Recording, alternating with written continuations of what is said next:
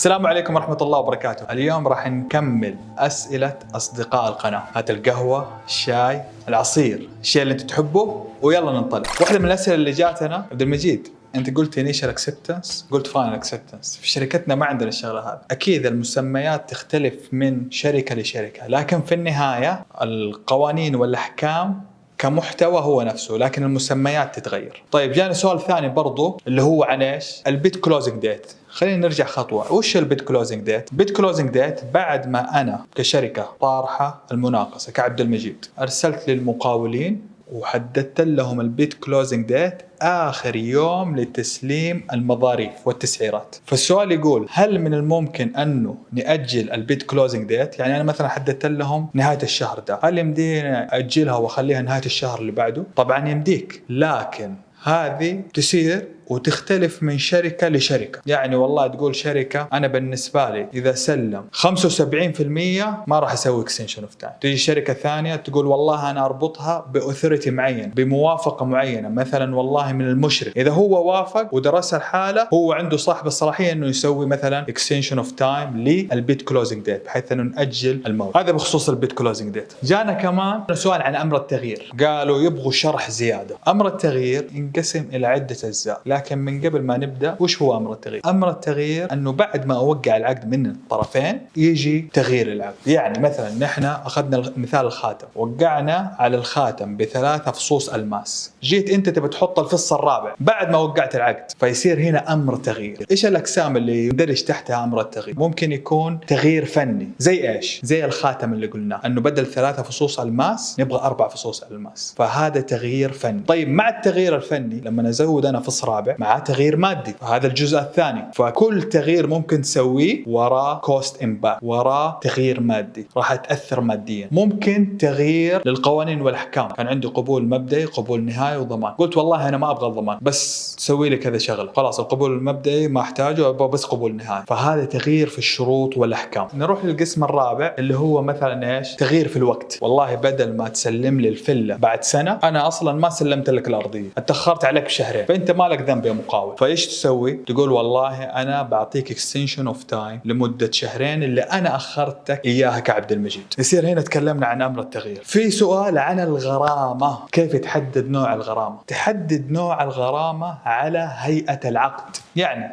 مثلا عندك عقد إيجار. تقول للمستأجر والله إذا تأخرت علي بشهر راح أدفعك 500 ريال زيادة. هذه طريقة. يجيك عقد ثاني. والله لعقد استشارات. تقول له والله كل ما تأخر علي المستشار عن كل أسبوع راح أغرمك ب 2% من قيمة العقد الإجمالية. إلى مثلا ماكسيموم 6% أحدد له هي بسقف. نروح لنوع ثاني ثالث من الغرامة. زي مثلا في الإنشاءات والمباني مثل اللي نحن فيها الآن. هنا الغرامات تكون بحسابات بمعادلات بآلية معينة. بحيث أنه أنا من المعادلات هذه أحطها في عدة stage أو في 1 stage لكن في النهاية أوصلها ب cap مثلا 10% هذا بالنسبة للغرامات. في سؤال جانا إيش الفرق ما بين المورد والمقاول؟ المورد يتكلم عن إيش؟ بضاعة زي الخاتم. ملموسة امتلكها المقاول غالبا ما ترمز إلى اللي ينفذ لي الخدمة. زي عندنا فيلا اللي ينفذ لي خدمة الفيلا ويبني لي الفيلا في النهاية الخدمة هذه ما يمديني لا امتلكها ولا ألمسها. فيصير هذا الفرق ما بين المورد والمقاول. المورد خاص بالبضاعة المقاول خاص بالخدمة. وش الفرق ما بين نطاق العمل والمواصفات؟ هي نفسها في النهاية زي المورد والمقاول هي نفسها نطاق العمل غالبا ما تشير إلى الخدمة والمواصفات دائما ما نشير لها إلى إيش؟ البضاعة. والآن نروح للنصيحة الخطافية. نصيحتنا خطافيه اليوم العزيمة والإصرار.